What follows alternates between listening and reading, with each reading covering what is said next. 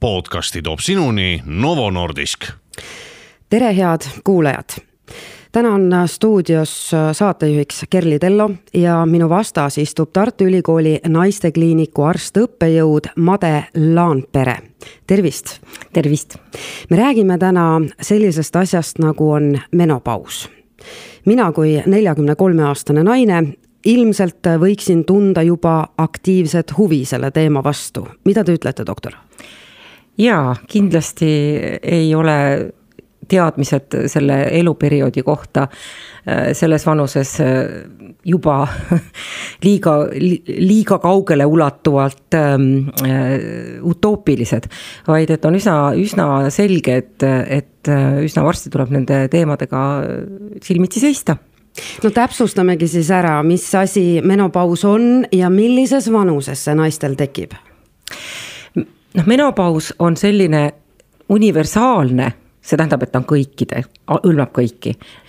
ja füsioloogiline sündmus ja see on ette programmeeritud, selles mõttes, et. Ähm, pääsu ei ole. et sellest pääsu ei ole. Äh, e, ainus erinevus on see tõesti, et see tapab naisi ja mitte mehi.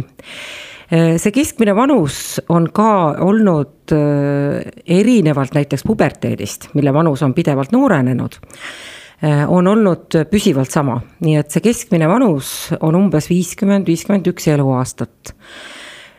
Äh, seda vanust on võimalik ka natukene ise nagu mõjutada. Äh, näiteks suitsetamine võib seda ettepoole tuua ja ka madal kehakaal, alustades üsasisesest nälgusest lõpetades siis, siis selliste noh, toitumishäiretega võib-olla siis elu jooksul. aga üldiselt on see geneetiliselt determineeritud, nii et, et seda siis juhivad meie geenid üldiselt ma saan teie jutust aru, et ähm, äh, mul on sinna küll veidi aega, küll aga üks minu elu pahe toob, võib tuua selle mulle varajasemaks. aga mida see siis tähendab, millised need sümptomid on, mis naisega toimuma hakkab, kuidas seda ära tunda? Need muutused on tegelikult erinevad, et me räägime, sisuliselt me räägime munasarja vananemisest. ja teatavasti munasari vastutab ühe oma, üks tema vastutusalasid on ikkagi viljakus. ja esimene, esimesed muutused, mis tekivad, tekivadki siis äh, viljakuses. et äh, nende kvaliteetsete munarakkude nii-öelda areng seal hakkab juba häiruma, äh, neid tekib juba järjest vähem ja see väljendub ju selles, et äh, inimeste viljakus langeb alates kuskil neljakümnendast eluaastast. et see on võib-olla esimene muutus, no see on kõikidele arusaadav ja üsna hästi teada, eks ju, et selline asi on.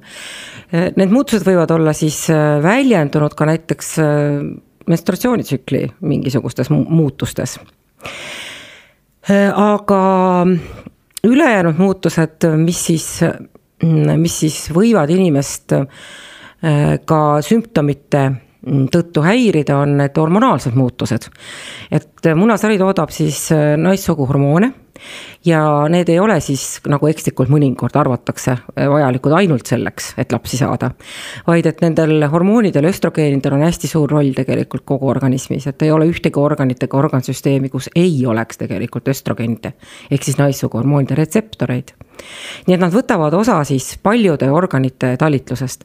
Ja see üks nii-öelda siis sündmus, see, millest ma rääkisin, see programmeeritud sündmus, see tegelikult lõpetab siis selliste folliiklite arengu ja ühtlasi siis nendes folliiklites enam ei sünteesita siis ka nii palju seda naissuguhormooni. ehk siis puudus jääb nendest naissuguhormoonidest kõikides organsüsteemides.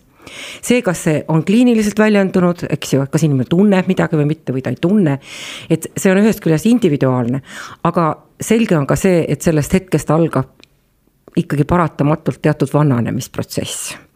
nii et äh, lisaks sellisele äh, ühele väga vajalikule hormoonile ja selle puudumisele, mis küll asendatakse, tõsi küll, äh, teistsuguste hormoonidega, mida toodab raskude või noh, pisut teistsugustega, siis paralleelselt sellega kulgeb ka siis vananemisprotsess üldiselt. nii et ähm, valmis tuleb olla kahtlemata selleks, et, et, et lapsi võib-olla enam ei saa nii kergesti alguses ja pärast enam üldse mitte Eh, võivad olla siis sellised ehm, noh, häired nagu mest-, menstratsioonitsüklis, mis võivad olla negatiivsed. aga ma rõhutaksin siin, mis võiks, võivad olla ka väga positiivsed lõpuks. sest naistel on väga palju haigusi, mis on sõltuvuses just nimelt või, või, või põhjustatud just nimelt sellest menstratsioonitsüklist. valulikud menstratsioonid, vererohked menstratsioonid, sellega seotud aneemia, mitmed haigused, kus östrogeenid äh, tegelikult mängivad teatud rolli. Nagu väga sageli emakamyoomid, healoomulised kasvajad, endometrioos, selline haigus, kus emakalimaskest on mujal kui emakas. Äh, ja, ja ka mõned muud sellised munasarja talitluga, talitlusega seotud probleemid, need tegelikult kaovad ära.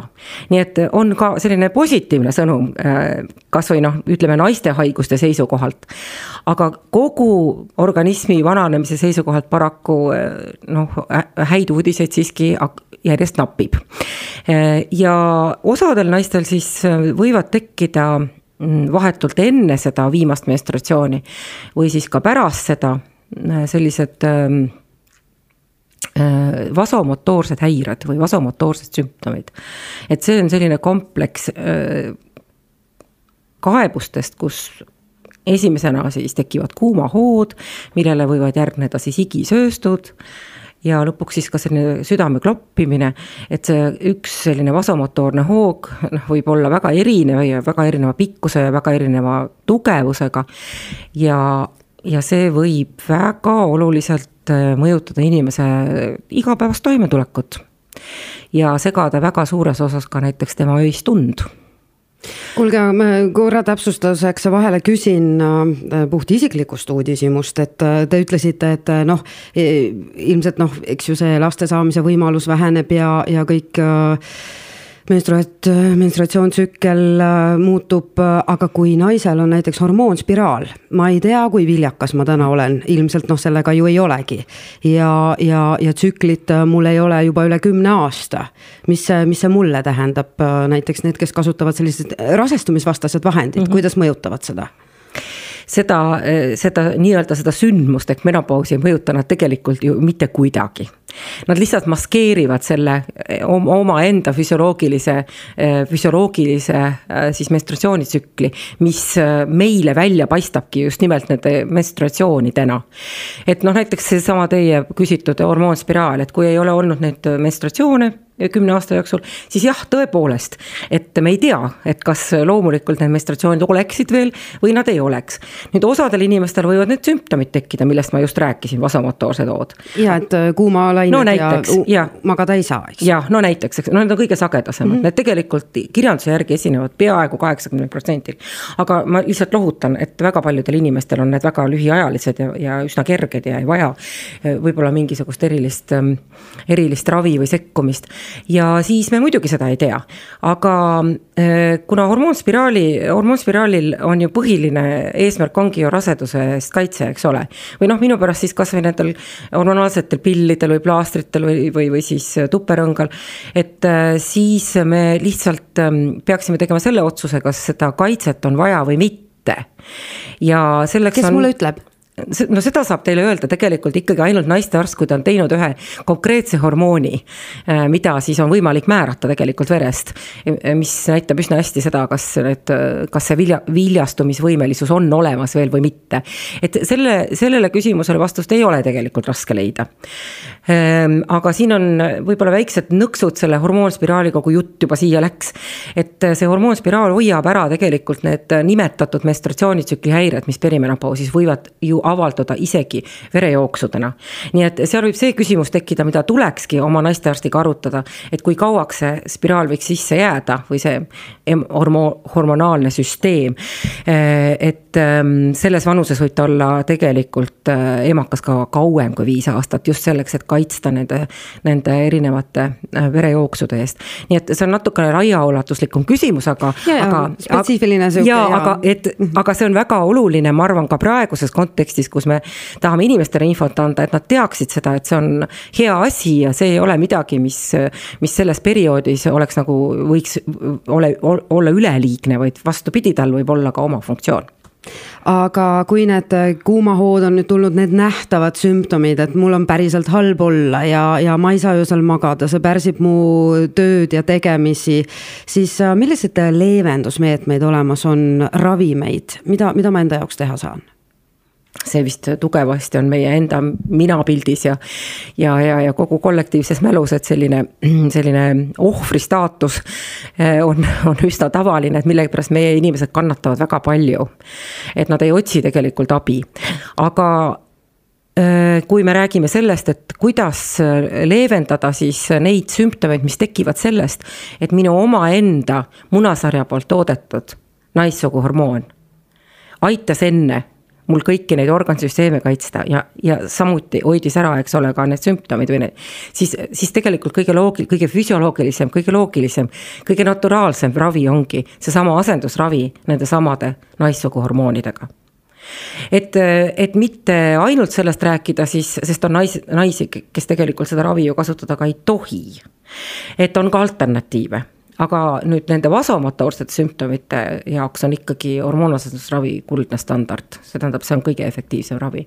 et ülejäänud on ikkagi kõik alternatiivid ehk et äh, see on siis äh, nagu mingid tabletid, kirjutatakse mulle välja? no ikka ja, ja no jah, seda östrogeeni ei saa enam panna munasarja. Äh, vaid ta tuleb ikka tabletina siis või ka siis on erinevaid manustamisviise, on ka aerosoole, on keeli. Mujal maailmas on plaastreid ja noh, erinevad manustamisviisi, aga põhimõtteliselt küll jah. et seesama seitseteist beeta östradiool, mis ta siin munasari tootis kogu aeg, pannakse siis tableti sisse ahah, ja seda tuleb küsida ikkagi oma naistearstilt? no see on retseptiravim selles mõttes, et ja teiseks. ja oma arst... arsti tunneb, eks ju, keha ja teab, et mis see, mis see kõige mõistlikum võiks no, olla. ütleme nii, et nii nagu iga ravi puhul tuleb siin ju arvestada näidustusi ja vastunäidustusi. et äh, selles mõttes on loomulikult äh, see hormoonasendusravi määramine ka selline üks sellise, selline arstlik, arstlik otsustuskoht ikkagi. Äh, aga muidugi koos patsiendiga loomulikult. Et ma kahjuks pigem näen seda, et inimesed ei, ei, ei, ei taha nagu abi või, või et siis kannatavad äh, kaua aega ja siis tulevad ja ütlevad, et nüüd nii. nüüd ma olen kaks aastat kannatanud, nüüd vot täna ma otsustasin, et enam ei jaksa. kas te ütlete, et naistel on piinlik? See teema? ma ei, ei, seda ma ei väida, et piinlik on, et keegi pole neid põhjuseid nii väga uurinud. et noh, et meil Eestis, et ma oskaksin sellele küsimusele vastata, mis see põhiline põhjus on. võib-olla on mõnel inimesel ka piinlik, eks ju mm, -hmm. aga noh, mul on selline tunne, et nagu ma ütlesin, et ühest küljest inimesed usuvad ja loodavad, et see läheb ruttu üle. teiseks, ja mis mõnikord ongi nii, aga kahjuks mitte alati teiseks ma arvan, et on ka seesama asi, et seda peetakse nagu selliseks, et see on loomulik.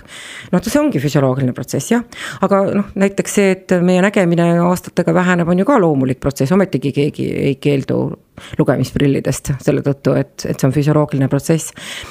Et ähm, ja nagu kindlasti mitte kõik inimesed ei vaja äh, seda, seda tabletti, nagu me rääkisime. et äh, osadele inimestele võib, ähm, võib see, võib see mm, mööduda üldse ilma igasuguste sümptomiteta muide. ja osadele võib-olla need noh, need võib-olla kerged äh, sellised muutused või sellised, mis, mis käivad kaasas ka noh, ikkagi mõnes mõttes vananemisega. on nagu talutavad või vastuvõetavad ja ta on selleks ennast ette valmistanud, eks ju. et, äh, et miks ei pöörduta arsti poole et see võib-olla vajaks uurimist. kas see on seesama, nagu meedikud ütlevad, mina olen seda kuulnud, ütlevad, et valu ei pea kannatama. et tule ja, ja võta valuvaigistit. et noh, muidugi inimesed, mõned kipuvad kuritarvitama neid. aga kas menopausiga on siis täpselt sama, et sa tegelikult ei pea seda olukorda kannatama, vaid ravimid on olemas? ja ma arvan, et see teie näide on üsna hea et äh, see valu kannatamisega on, et valukannatajad on ka olemas, kes tunnevad rõõmu sellest, et nad on valu kannatanud. teadmata, et valu on organismile palju kahjulikum kui, kui valuvaigisti. et äh, selle asjaga on äh, üsna sarnane lugu, et tegelikkuses loomulikult ei ole mitte mitte mingit põhjust neid, neid sümptomeid kannatada, eriti kui nad rikuvad ära, mm, rikuvad teie igapäevast elu, elukvaliteeti ja paraku ka kogemus ütleb ju seda, et kannatavad ju ka äh, kõrvalseisjad, just, jah mida te naistearstina ütlete, kas tänase Eesti naise teadlikkus menu-, menopausist on hea või on pigem halb? no ma arvan, et see terviseteadlikkus on suurenenud ju igas valdkonnas ja, ja juba tänu sellele, et meil on kättesaadav ju väga palju noh, materjali igalt poolt. aga nii nagu igasuguse informatsiooniga, mida sa hangid internetist, eks ju, peab, see peab olema kriitiline lugemine. et ähm, et see oleneb, mida sa loed et, et selliseid alternatiive või noh, nüüd ma juba mõtlen selliseid alternatiive, mis ei aita, sest et noh, igas. noh, ka isegi meditatsioon võib aidata kuumahoogude puhul, kui see inimene on tõesti nagu soovib ja, ja tahab seda teha ja, ja nii edasi aga et äh, igasuguseid äh, selliseid veidraid alter-, alternatiive on ju ka olemas. et äh, see oleneb jah sellest, et missugust informatsiooni sa hangid ja kui kriitiline sa oled selle informatsiooni läbitöötamisel. ja, ja kui palju sa iseenda keha ja, ja omaenda elukvaliteeti tegelikult ka hindad ja väärtuslikuks pead. doktor, kas elustiili juures tuleb naisel ka midagi muuta? No kindlasti tuleb muuta siis, kui on äh, elustiil pole selline, nagu me tahaksime, eks ole, kui on kahjulikud harjumused, kui on vähene füüsiline aktiivsus. kui võib-olla siis tarbitakse alkoholi liigselt. Äh, ja muidugi kõige suurem mure on ikka kehakaalu mure sest äh, sinna ei ole mitte midagi teha, seoses selle protsessiga ainevahetus aeglustub ja enamikel inimestel see kehakaal kipub ikkagi tõusma ja, ja, ja sellega tuleb tõesti tegeleda või selles mõttes sellega, sellega tuleb silmitsi seista. et öeldakse niimoodi, et tarbi suhkurt nüüd poole vähem ja tõsta oma füüsilist aktiivsust kaks korda rohkem. aga no te saate ise aru, et see on selline keskmine inimene, kellele me praegu selle nõu anname. et mõni ei söögi suhkurt ja ta ei saakski seda vähendada ja teine, teisel on see väga nagu tähtis ja oluline võib-olla äh, asjaolu, mida teha. ja samuti sama füüsilise aktiivsusega ju nii et ähm, äh, selles mõttes on äh, see eluperiood küll suhteliselt ähm, avatud erinevatele elustiili muutustele, mida võib-olla varasemalt ei ole nagu jõutud või tahetud või saadud teha. et kui kehakaal ikkagi paratamatult tõusma hakkab ähm, nii, et sa noh, sisuliselt nii nagu inimesed tavaliselt ütlevad, ma ei söö rohkem ma teen täpselt sama palju trenni. et siis, siis on nagu see kellukene võib-olla läheb siis ikkagi nagu äh, kuidagi helisema, et võib-olla midagi saaksin veel äh, muuta. noh, ma arvan, alati saab midagi pare-, paremaks teha, et päris sellist ideaalset elu ei ela me võib-olla mitte keegi ja need võivad olla väga-väga väiksed asjad. lihtsalt äh, sõida auto asemel ära sõida autoga tööle, vaid mine jalgsi või midagi sellist. et aga ma näen, et need inimesed on motiveeritud ja näiteks arvamus, et hormoonasendusravi tõstab kehakaalu, on muidugi täiesti vale. et uuringud näitavad pigem, et ta hoopiski hoiab ära sellist meestüüpi rasva ladestumist äh, kehatüvele äh, ja, ja, ja seetõttu aitab võib-olla seda ka kehakaalu ka siis äh, paremini kontrolli all hoida kas teil on äh, mingi sõnum naistele vanuses viiskümmend pluss ja seoses sellesama teemaga, menopausiga, võib-olla midagi, mida ma ei osanud küsida ja mida kindlasti naine peaks teadma? No võib-olla tõesti kogu selle praeguse meie jutu valguses ja eh, on üks asi see, et eh, tuleb leppida muidugi selle, sellega, et selline eluperiood on ees ootamas, et selle vastu ei saa võidelda, sellepärast et eh, see tuleb paratamatult. korra küsin vahele, ega meestel ei ole midagi sarnast, ainult naiste kannatused, jah? Jah, ei, kõik kuulujutud sellest äh, ei ole, ei ole kinnitust leidnud, et meestel oleks selline asi nagu andropaus. mehed on muide viljakad ka kuni elu, noh, ühesõnaga väga pikka aega, erinevalt äh, siis naistest. et, ähm, et sellega tuleb lihtsalt leppida et muidugi võib see kaasa tuua ka mingisuguseid teatud elumuutusi, aga õnneks ähm, Eestis ei ole enam see olukord, eks ju, et, äh, et keegi saaks töökuulutusse kirjutada, et äh, soovime tööle viiskümmend miinus naist. ja, ja viiekümneaastased naised on sageli tegelikult oma ju professionaalse karjääri tipus tänapäeval.